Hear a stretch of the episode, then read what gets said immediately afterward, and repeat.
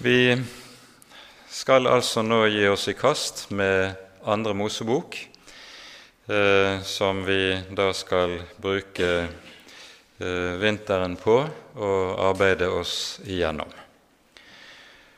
Eh, det er flere som har spurt om vi ikke kunne ta for oss dette bibelske skriftet, som er helt sentralt eh, i vår bibel med tanke på både å forstå frelsen eh, Det går tallrike linjer i Det nye testamentet tilbake til det vi hører om i annen Mosebok, samtidig som det også er på det vis at eh, vi finner stadige henvisninger gjennom hele Det gamle testamentet til begivenhetene i annen Mosebok.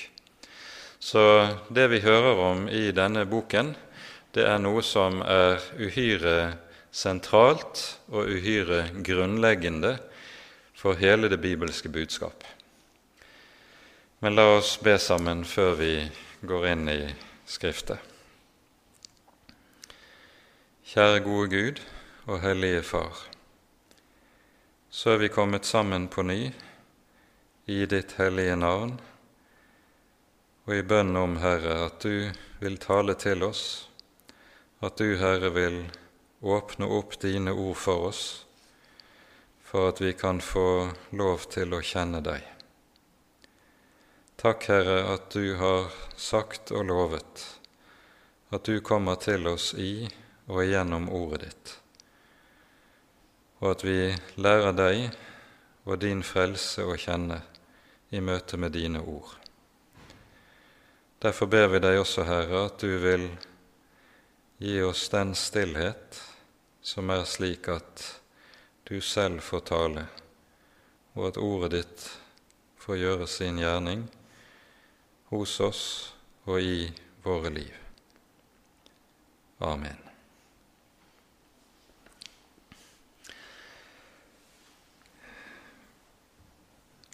Annen Mosebok den bærer navnet i på engelsk og i latinsk språk eh, Exodus, som rett og slett betyr utgang. utgang. Det, boken er med andre ord oppkalt etter det som er hovedbegivenheten i denne boken, fortellingen om utgangen av Egypt. Det hebraiske navnet på boken er Shemot. Eh, i det det er slik at uh, en rekke av de bibelske skriftene på hebraisk har navn etter det eller de første ordene i boken. Og Shemot betyr navnene, og i første verset leser vi jo i annen Mosebok dette er navnene på Israels sønner som kom til Egypt. Det er sånn at Sammenhengen med Første Mosebok understrekes meget sterkt allerede i dette innledningsverset. Det kommer ikke frem i vår, eh, våre bibeloversettelser, men i grunnteksten så begynner det første verset med et åg. Og dette er navnene. Og dette åg, denne partikkelen som anvendes på hebraisk, den har alltid det med seg at den knytter eh, det som sies, sammen med det foregående. Så vi hører i innledningen nå til eh, annen Mosebok at det knyttes tilbake til dette at eh, Jakob med sine sønner og med hele sitt hus flytter til Egypt under invitasjon av Josef. Og Vi kan godt lese de syv første versene nå i kapittel 1 innledningsvis. Dette er navnene på Israels sønner som kom til Egypt. De kom sammen med Jakob, hver med sitt hus. Ruben, Simeon, Levi og Juda. Isakar, Sebulon og Benjamin, Dan og Naftali, Gad og Asher, De som stammet fra Jakob, var i alt 70 sjeler, og Josef var allerede i Egypt. Så døde Josef og alle hans brødre og hele dette slektledd. Men Israels barn var fruktbare og tiltok sterkt. De økte og ble meget tallrike. Det ble fulgt av dem i landet. Det har vært en meget lang, kanskje nesten 200-årig diskusjon rundt spørsmålet når er det egentlig utgangen av Egypt skjer, hvis vi ser på kronologien i det gamle Egypt. Hvis vi følger Bibelens kronologi, så er det slik at i første kongebok så sies det at Salomo kommer på tronen i Jerusalem 480 år etter utgangen av Egypt. Og hvis det da er slik at Salomo kommer på tronen i år 960 før Kristus, så vil utgangen fra Egypt ha funnet sted eh, ca. 1440 før Kristus. På denne tiden så er det slik at eh, det som kalles for det nye riket i Egypt, er Eh, har reist seg. Det er jo slik at egyptologene eh, regner Israel, unnskyld, Egypts historie etter de ulike dynastier, altså ulike kongehus som sitter ved makten i en periode. Og På denne tiden, hvis vi befinner oss da rundt mellom år 1400 og 1500 før Kristus, er det det attende dynasti som av faraoner som råder i Egypt. Dette dynastiet gjenreiste Egypt til en stormakt. Idet de foregående fire-fem dynastiene opplevde en veldig forfallstid, og fordi Egypt nå gjenreises til sin fordums makt og herlighet i denne perioden, så kalles denne perioden i egyptisk historie gjerne for det nye riket. Den diskusjonen som har rådet grunnen i eh, teologien, har bl.a. handlet om at en ikke har sett på Bibelens kronologi her som autoritativ. I stedet har en ment at ut fra arkeologiske grunner er det mer sannsynlig at utgangen av Egypt finner sted rundt år 1200 før Kristus. Blant annet har han gitt som grunn for dette at ruinene etter Jeriko, altså etter inngang, når Israel inntar landet og eh, Jeriko legges i ruiner, det mente man måtte være på denne tid. Nyere utgravning har gjort, utgravninger har gjort alle disse dateringene meget usikre, så man har egentlig ingen arkeologiske eh, data som kan med sikkerhet si det ene eller det annet. I egyptiske historiske kilder finner man naturlig nok ingenting om Israels uttog av Egypt. Det er slik at i de gamle kongedømmene så finner man i de historiske kronikene kun berettet om kongenes seire. Nederlag forbigås i stillhet, det omtales overhodet ikke noe som gjør det ganske forståelig at det som skjer i forbindelse med utgangen av Egypt, heller ikke er omtalt i egyptiske analer. Forut for at det nye riket reiser seg, har det altså vært en forfallstid i Egypt. Man kjenner til fra eh, historiske kilder at her er det en periode på en kanskje så meget som 300 år der det er et folkeslag som kalles for Hyksos, som råder grunnen i Egypt. Man vet egentlig ikke veldig meget om disse Hyksos. Eh, det er et semittisk folkeslag, og eh, eh, dette gjør at en har ment at fordi de er semitter like som Israels folk er semitter, så har Hyksos behandlet Israels folk godt den tiden Hyksos var ved makten i Egypt. Men dette var altså en veldig forfallstid for Egypten som eh, makt i dette området. Når vi så hører at det sies i vers 8 her i kapittel 1 Da kom det en ny konge over Egypt, og han kjente ikke Josef. Så antyder dette nettopp at det som man vet fra historiske kilder, at Egypt ble frigjort fra Hyksos sitt herredømme gjennom en farao som bærer navnet A-Mose, den første. Eh, eh, de fordrives, og deres hovedstad Tanis erobres, og gjenreises deretter til i første omgang å bli hovedstad for det nye riket. Hovedstaden flyttes senere sydover, ned, eh, oppover Nilen.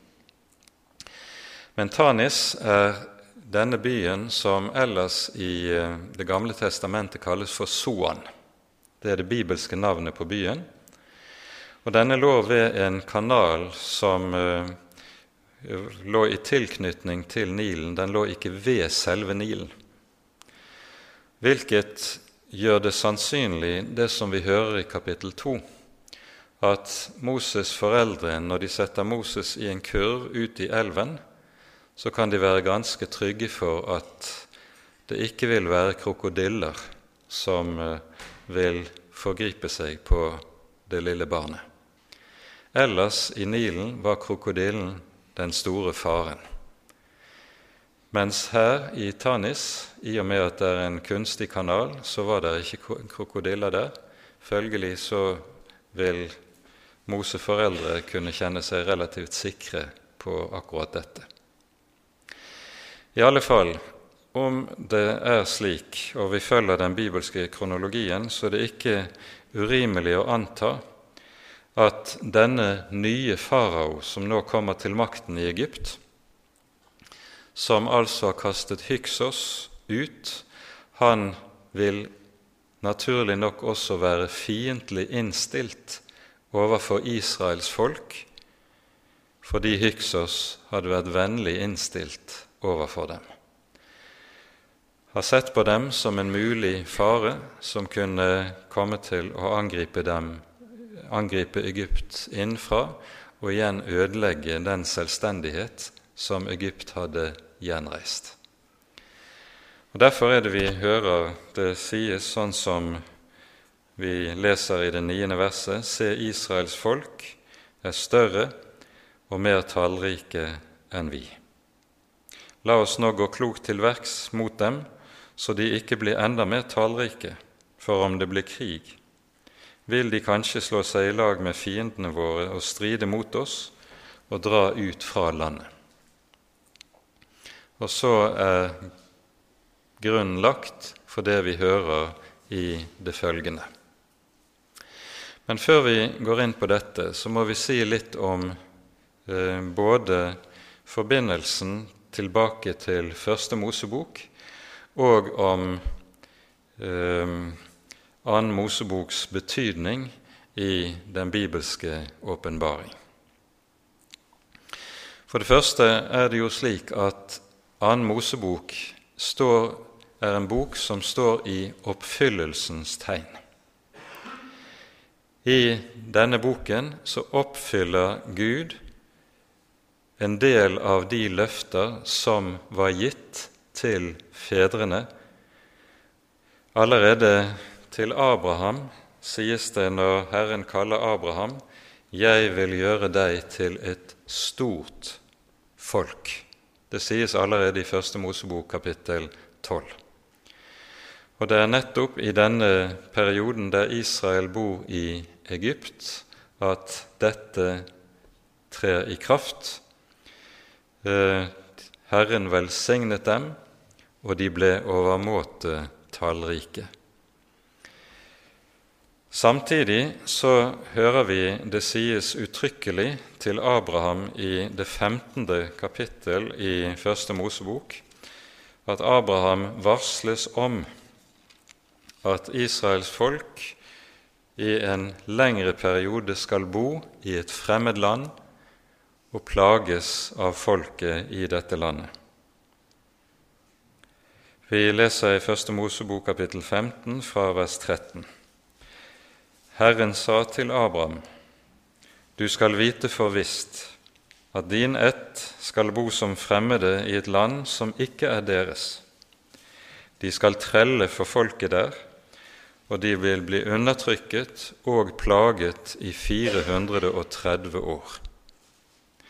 Men jeg vil også dømme det folk som de skal trelle for, og deretter skal de dra ut med mye gods men du skal fare til dine fedre i fred. Du skal bli begravet i en god alderdom. Disse 430 år som det her tales om, det er antagelig slik at disse 430 år eh, Meningen med dette er at det går fra Abrahams tid frem til utgangen av Egypt. Og med det så vil den bibelske kronologien stemme meget godt med det vi for øvrig hører og leser. Så husker vi historien om Josef. Jakob har tolv sønner, og eh, den nest yngste av disse, Josef, legges for hat av sine brødre Brødrene tar til slutt og selger han som slave til noen ismailitter, og de selger ham igjen på slavemarkedet i Egypt. Og så I Josefs historien hører vi hvordan Josef til slutt eh, reises til den høyeste verdighet i landet Egypt, den mest betrodde og den med høyest makt etter farao selv. Og under den hungersnøden som varer i syv år, er det at Jakobs sønner drar til Egypt for å kjøpe korn, møter Josef, og vi går ikke gjennom hele denne historien, men Josef ber ved utgangen av dette eh, far og brødre komme og bo hos ham i Egypt. Han vil sørge for dem, beskytte dem, se til at de har alt de trenger. Og i kapittel 46 i Første Mosebok hører vi Herren når Jakob skal uh, står i ferd med å dra til Egypt, så åpenbarer Herren seg for ham med tanke på dette. Vi leser kapittel 46 fra vers 1. Så brøt Israel, altså Jakob, opp med alt det han hadde da han kom til Bersheva, ofret han slaktoffer til sin far, Israels Gud. Da sa Gud til Israel i et syn om natten, Jakob, Jakob. Og han svarte, Ja, her er jeg. Og han sa, Jeg er Gud, din fars Gud. Frykt ikke for å dra ned til Egypt for der vil jeg gjøre deg til et stort folk. Jeg skal selv dra ned med deg til Egypt, og jeg skal også visselig føre deg opp igjen, og Josef skal lukke dine øyne. Og så drar Jakob av sted med hele sitt hus. Her hører vi altså at Herren åpenbarer seg for Jakob med de ord som gjør at Jakob kan ha trygg visshet for at han nå reiser så er det etter Herrens vilje. Det er ikke etter menneskers vilje, det er ikke etter eget valg. Det er Herren selv som sender ham og vil ta seg av ham og hans hus i denne tiden. Og eh, vi leser jo også ved slutten av Første Mosebok om det som er Guds ledelse midt oppi alt det som har skjedd med Josef og brødrene. Vi leser i kapittel 50 fra vers 15 følgende. Da Josefs brødre så at deres far var død, sa de:" Bare nå ikke Josef legger oss for hat og gjengjelder oss alt det onde vi har gjort imot ham. Så sendte de bud til Josef og sa:" Før han døde, ga din far oss dette pålegg. Så skal dere si til Josef, kjære, tilgi dine brødre deres misgjerning og deres synd, da de handlet så ille imot deg. Nå ber vi, tilgi oss vår misgjerning, vi som også tjener din fars Gud. Og Josef gråt da de talte slik til ham. Siden kom også hans brødre selv og falt ned for ham, og de sa, Se, vi er dine tjenere. Da sa Josef til dem, Vær ikke redd, er jeg i Guds sted? Dere tenkte ondt imot meg, men Gud tenkte det til det gode, for å gjøre dette som vi ser i dag, og berge livet for mange mennesker. Vær ikke redde. Jeg vil sørge for dere og deres barn. Han trøstet dem og talte vennlig til dem. Og med dette gir Bibelen til kjenne at midt inni at mennesker gjør så meget ondt som det vitterlig skjer i historien til Josef, så har Gud sin hånd inne i det, sin ledelse med det, på en slik måte at, Josef på slutten av sitt liv altså kan si:" Dere tenkte det til det onde, men Gud til det gode for å berge livet til meget folk. Dette sier mye om hvorledes eller hvor begrenset vi mennesker er i stand til å se og forstå mange av de begivenhetene vi står oppe i her i verden. Ting som altså for oss kan se ondt ut, kan i Guds hånd komme til å være det som er tenkt til det gode. Vi forstår ikke meget. Hos profeten Jeremia settes det ord på dette i det tiende kapittelet, der vi leser følgende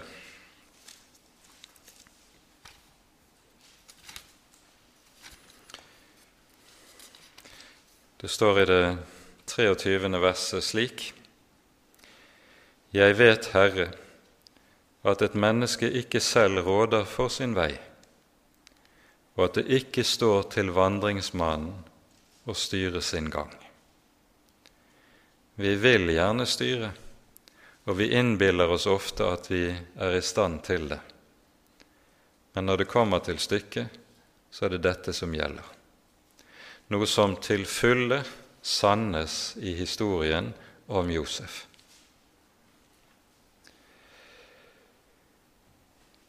Når vi nå kommer til annen Mosebok, så oppfyller Gud disse løfter som er gitt til fedrene.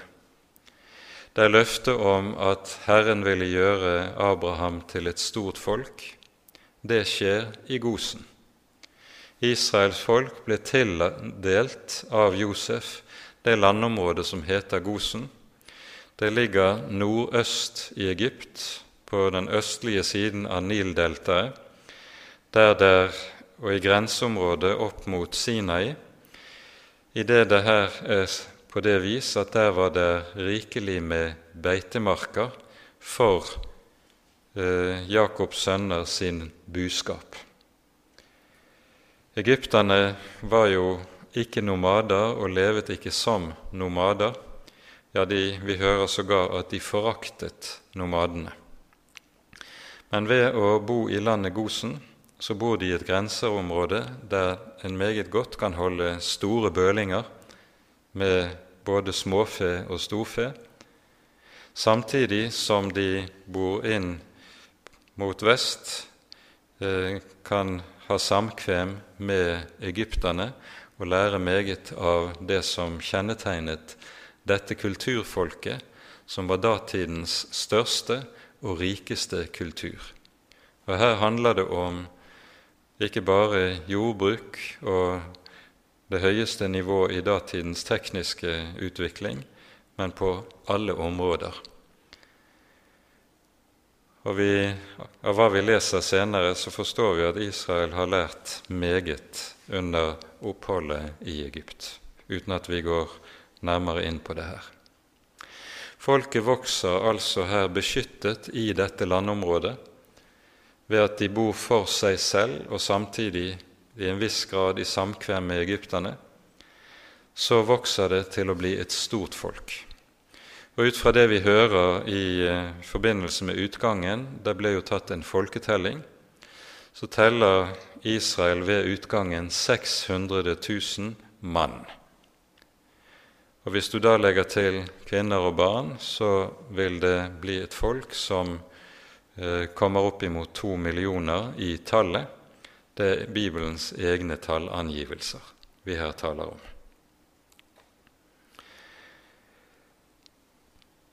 Dette er det første som altså oppfylles av Guds løfter. Det andre er løftet som sies både til Abraham og til Jakob, at Herren vil føre dem ut fra landet Egypt. For tankegangen er jo den at Herren har lovet Abraham, Isak og Jakob Kanans land. Men de får ikke Kanans land til eie før den tid er kommet at Guds dom også skal avsies over kananittene. Det sies jo uttrykkelig til Abraham i Første Mosebok kapittel 15 Amorittene har enda ikke fylt sin ondskaps mål. Hvilket innebærer, ut fra Bibelens språkbruk, at Guds, tiden for Guds dom over disse folkeslagene enda ikke var kommet. 400 år senere er denne tid, domstid, kommet. Og domstiden dreier seg da for kananittene sitt vedkommende om at de drives ut av landet, og landet gis til Israels folk som arvedel. Vi kommer nok til å komme mer inn på dette senere, men sier ikke mye om det ved denne anledning. Men dette er altså noe av det som ligger foran. I kapittel 6 her i annen Mosebok er det likesom samlet i en sum noe av det som er selve hensikten med utfrielsen av Egypt. Vi leser kapittel 6 fra vers 6 til 8. Si derfor til Israels barn, Jeg er Herren. Jeg vil føre dere ut fra de tunge byrdene egypterne har lagt på dere og befri dere fra trellearbeidet under dem. Jeg vil forløse dere med utdrakt arm og med store straffedommer. Jeg vil ta dere til mitt folk, og jeg vil være deres Gud. Dere skal kjenne at jeg er Herren, deres Gud, Han som fører dere ut fra de tunge byrdene som egypterne har lagt på dere. Jeg vil føre dere til det land jeg med oppløftet hånd har sverget og ville gi Abraham, Isak og Jakob. Jeg vil gi dere det til eiendom. Jeg er Herren. Her sies det altså først i vers 6 Jeg vil føre dere ut. Så i vers 8 Jeg vil føre dere inn. Og så i vers 7 det som er hensikten med alt dette. Jeg vil ta dere til mitt folk. For det som er jo hovedbetydningen av det vi leser i annen Mosebok, det er at her tar Gud Israels folk ut, gjør det til sitt folk. Før denne tid har de hatt løftene til fedrene. Nå er den tid kommet da Herren selv tar folket til seg, gjør det til sitt folk, inngår pakt med dem, og Israels folk blir et folk som har sin identitet grunnet i disse to tingene. Herren er deres Gud, noe som åpenbares gjennom at Herren fører folket ut. Jeg er Herren deres Gud, som førte dere ut fra egypternes tunge byrder. Om igjen og om igjen presenterer Gud seg selv på denne måten. Han er forløsningens, utfrielsens Gud, og Israels identitet kommer til å bli bestående her. De er det folk som Herren har tatt seg av, som Herren har fridd ut. Og Dette markeres jo senere i Israels religiøse liv gjennom at årlig som skal det som skjer i forbindelse med utgangen av Egypt, minnes i en særlig høytid, nemlig påskehøytiden. Påskehøytiden og påskemåltidet er det sted der folket så å si på ny og på ny dras tilbake ved hjelp av minnet om det som skjedde, dras tilbake til å komme i hu hva som er deres egenart som Guds folk.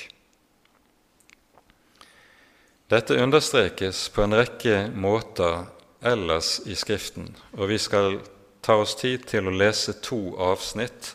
Først fra 5. Mosebok, kapittel 4.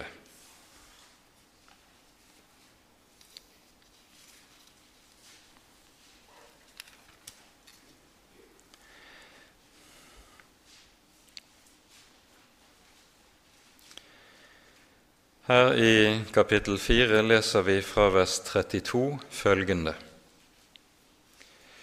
Det er Moses som nå er i kapittel 4 har begynt på sin store tale, der han underviser folket, minner dem om Herrens store gjerninger og om Herrens bud og befalinger.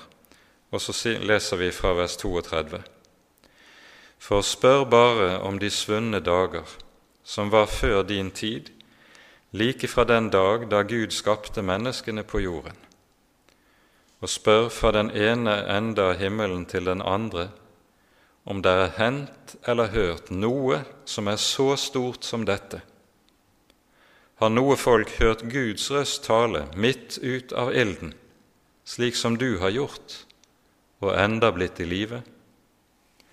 Eller har Gud prøvd å komme og ta seg et folk midt ut av et annet folk, ved prøvelser, ved tegn og undergjerninger, og ved krig og med sterk hånd og utdrakt arm og store, forferdelige gjerninger, slik som du med egne øyne har sett Herren deres Gud gjorde med dere i Egypt.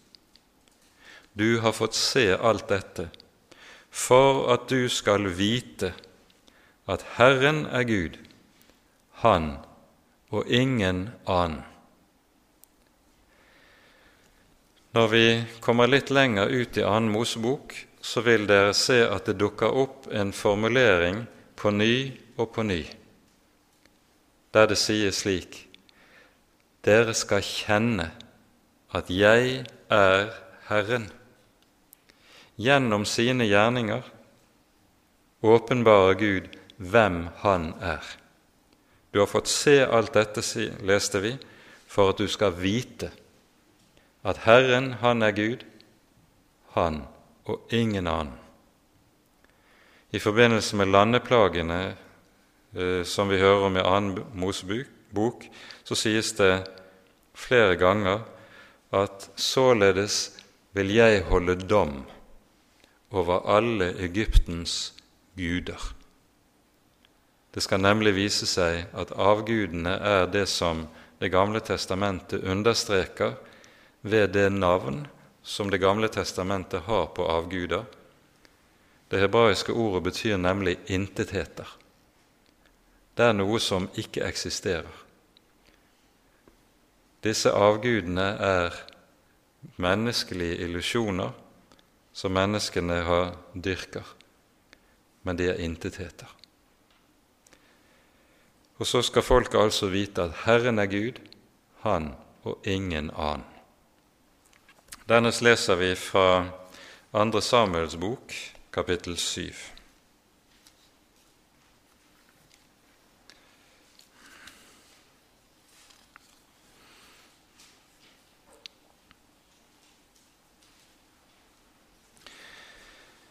Her er vi inne i et av de mest sentrale avsnittene i eh, eh, Davids historie. Han har nettopp fått høre gjennom profeten Natan løftet om at Messias skal fødes i hans hus, i hans etterslekt. Og så Fra vers 18 av så leser vi Davids takkebønn etter det løftet han har fått gjennom Natan. Det er en av de virkelig vakreste bønnene vi finner i Det gamle testamentet. Men her inne i denne takkebønnen så hører vi bl.a. det sies vers 23 og 24.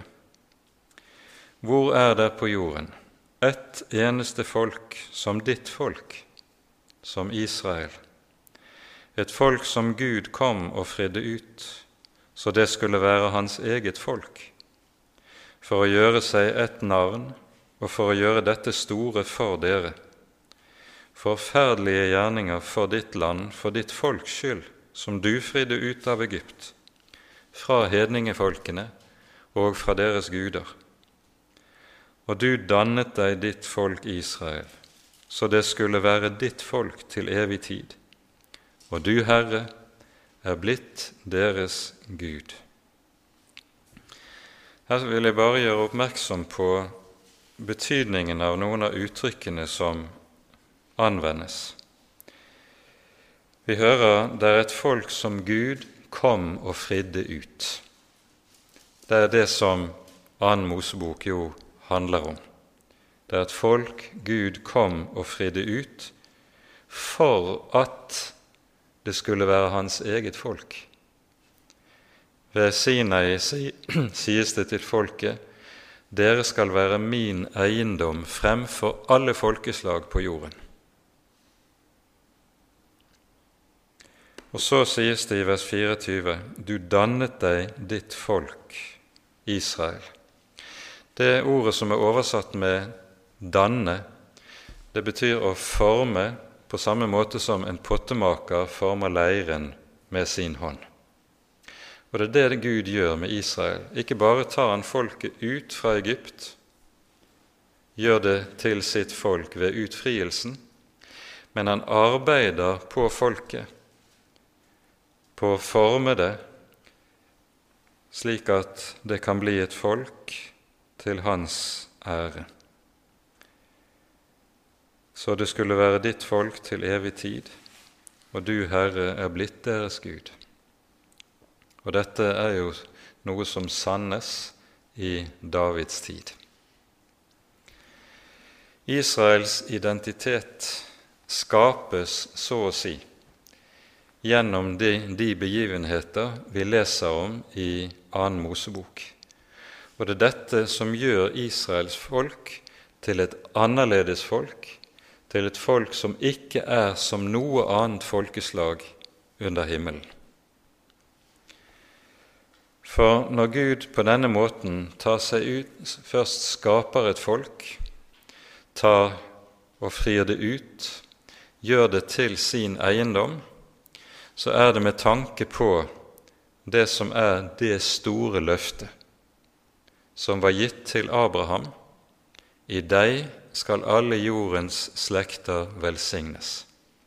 Det er i dette folk Gud så å si legger de historiske forutsetningene til rette for at frelsen en dag skal fullbyrdes. Og Derfor er det også slik at når David takker for løftet om Frelseren som skal fødes i hans slekt, så tar han med i bønnen også dette som er Guds gjerning, som er forutsetningen for dette. Han har tatt seg ut et folk og dannet det for sitt navn. Det hører sammen, for det er i dette folk frelsen en dag skal fullbyrdes. Og når frelsen så er fullbyrdet, som vi hører om det i Det nye testamentet, så er et av de mest sentrale forbildene på den frelse som Jesus skaper, det ligger nettopp i beretningen om utfrielsen av Egypt. Her har vi påskelammet, her har vi overgangen over Det røde hav, her innstiftet soningens tjeneste, osv. Det er en hel mengde saker som vi etter hvert vil komme videre inn på.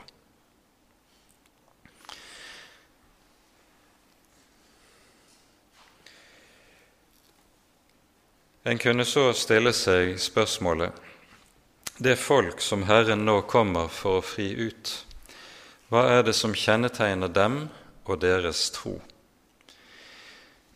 Vi vet ikke veldig meget. Men vi kan av tre ulike forhold se hva som er blitt bevart fra fedrene. For det første har Israel tatt vare på omskjærelsen eh, som pakttegnet som ble gitt allerede til Abraham.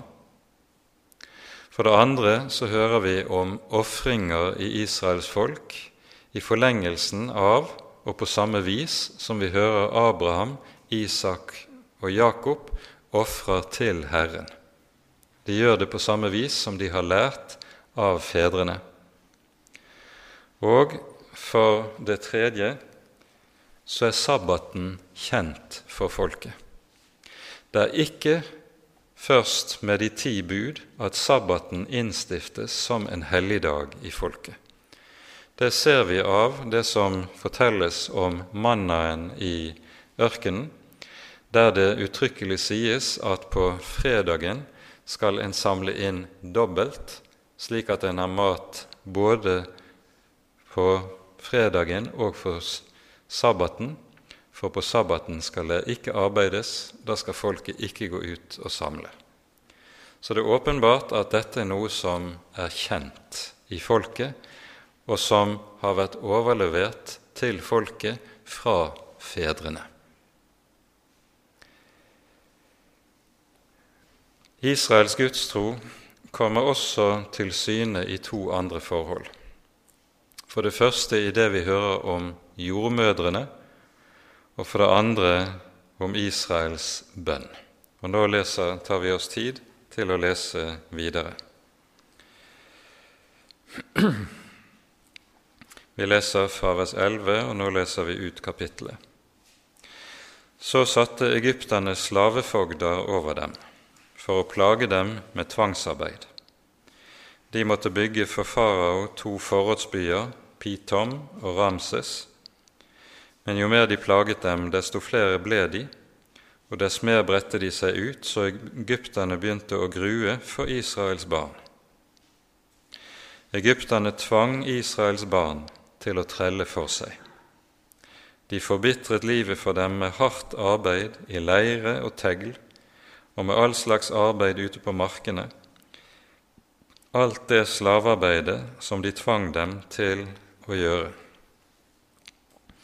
I parentes her kan det sies at det er funnet et gravkammer i Teben i øvre Egypt der det er avbildet på en av veggene i kammeret nøyaktig det vi her hører om.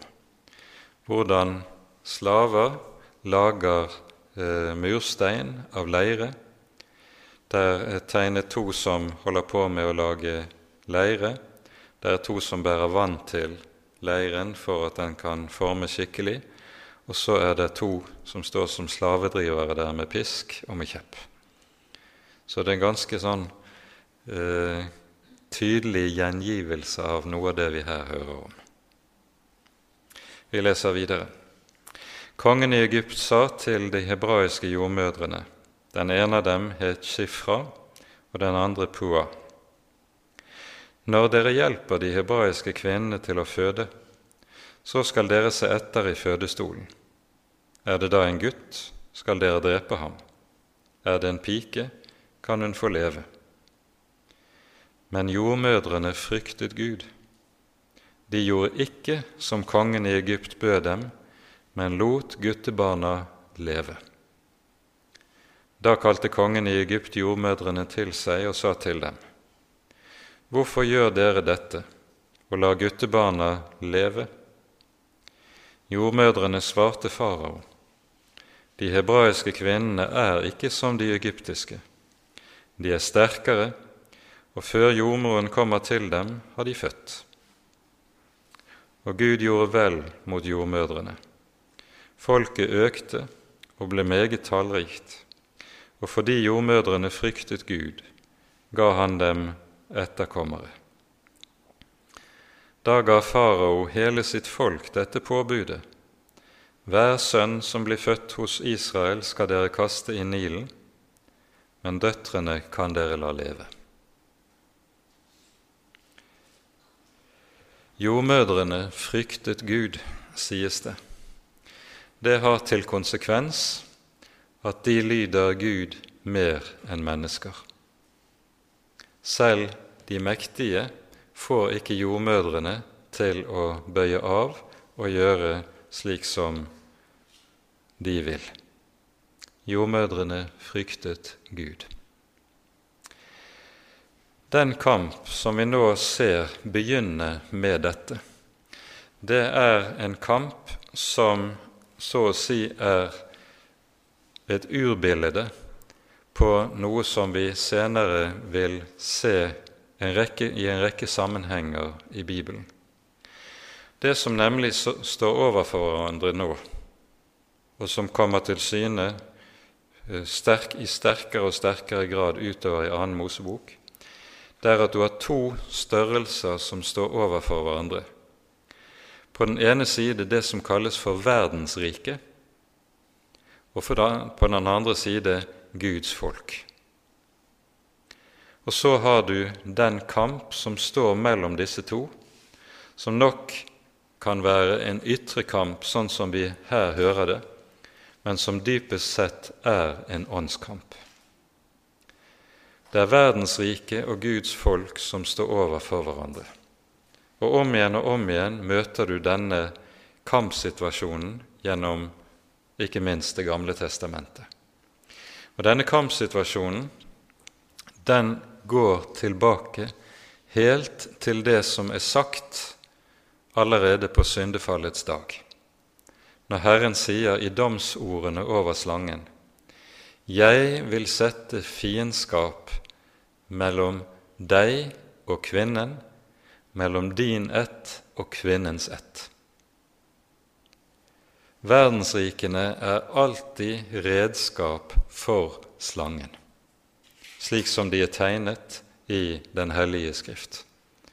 Mens Guds folk står der som kvinnens ett, som symbolet på dette, og verdensriket søker stadig og tilintetgjøre kvinnens ett.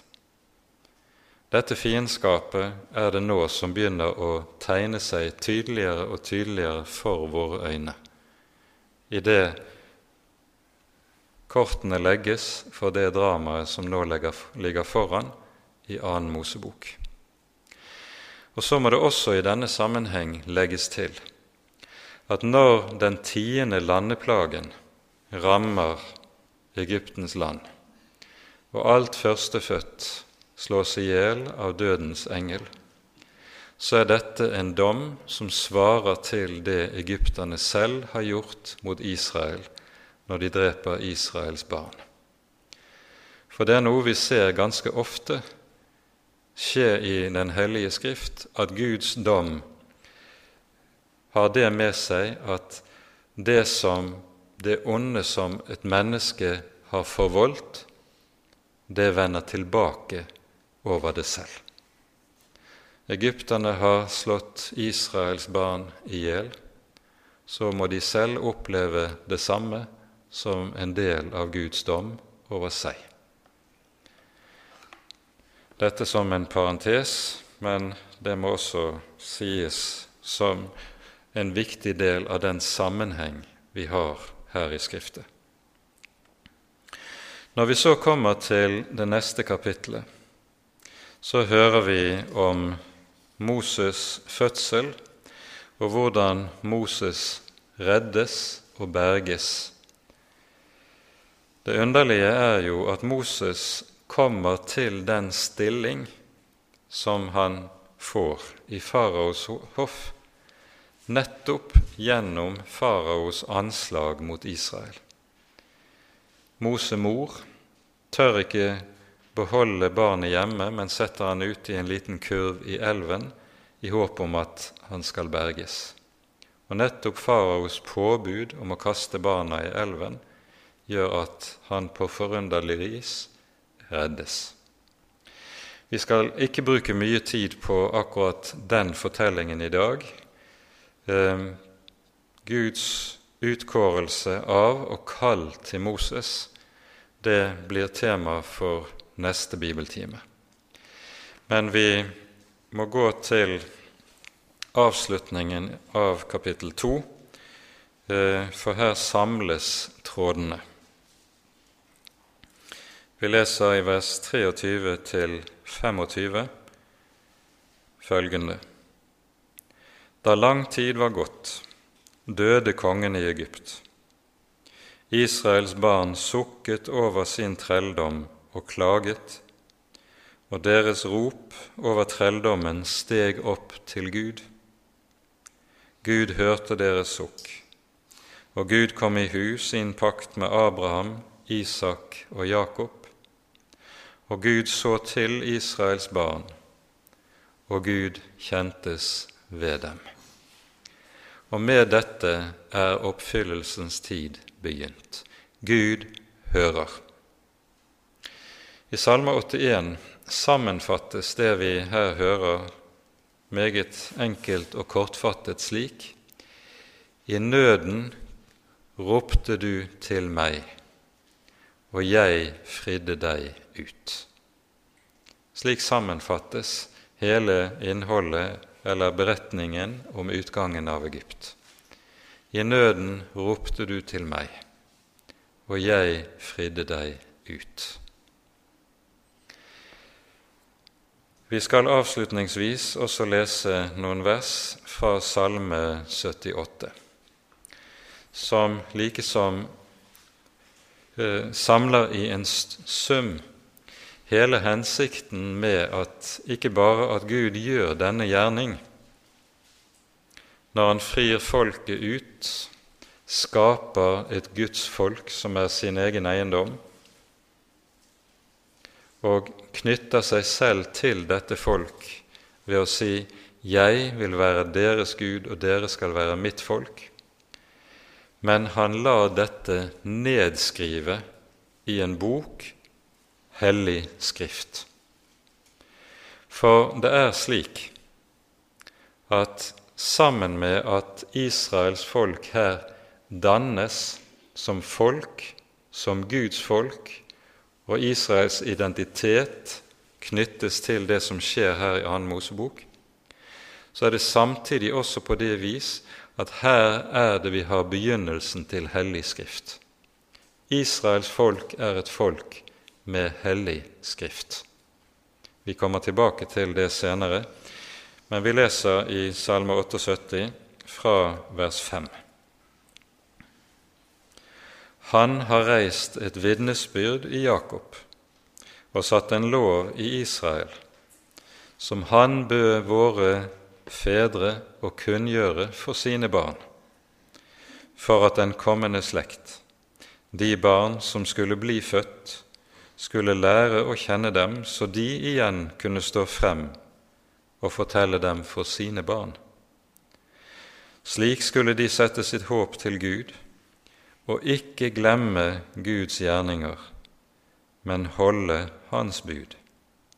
De skulle ikke bli som sine fedre, en oppsetsig og gjenstridig slekt, en slekt som ikke gjorde hjertet fast, og som ikke var trofast mot Gud i sin ånd. Til det vi hører i annen Mosebok, er også beretningen om folkets synd, om folkets troløshet. Dette skal også skrives ned i Hellig Skrift. Og så skal folket gjennom Skriften Det sies han har reist et vitnesbyrd i Jakob. Det er Den hellige Skrift. Og dette skal kunngjøres, dette skal barna undervises i, med tanke på at de nettopp, sånn som det står i vers 7, skulle sette sitt håp til Gud og ikke glemme Guds gjerninger, men holde Hans bud. Det er dette vi nå har gitt oss i kast med å gå inn i, og så ber vi at Herren vil veilede oss på veien gjennom Skriften. Ære være Faderen og Sønnen og Den hellige ånd, som var og er og være skal, en sann Gud, høylovet i evighet. Amen.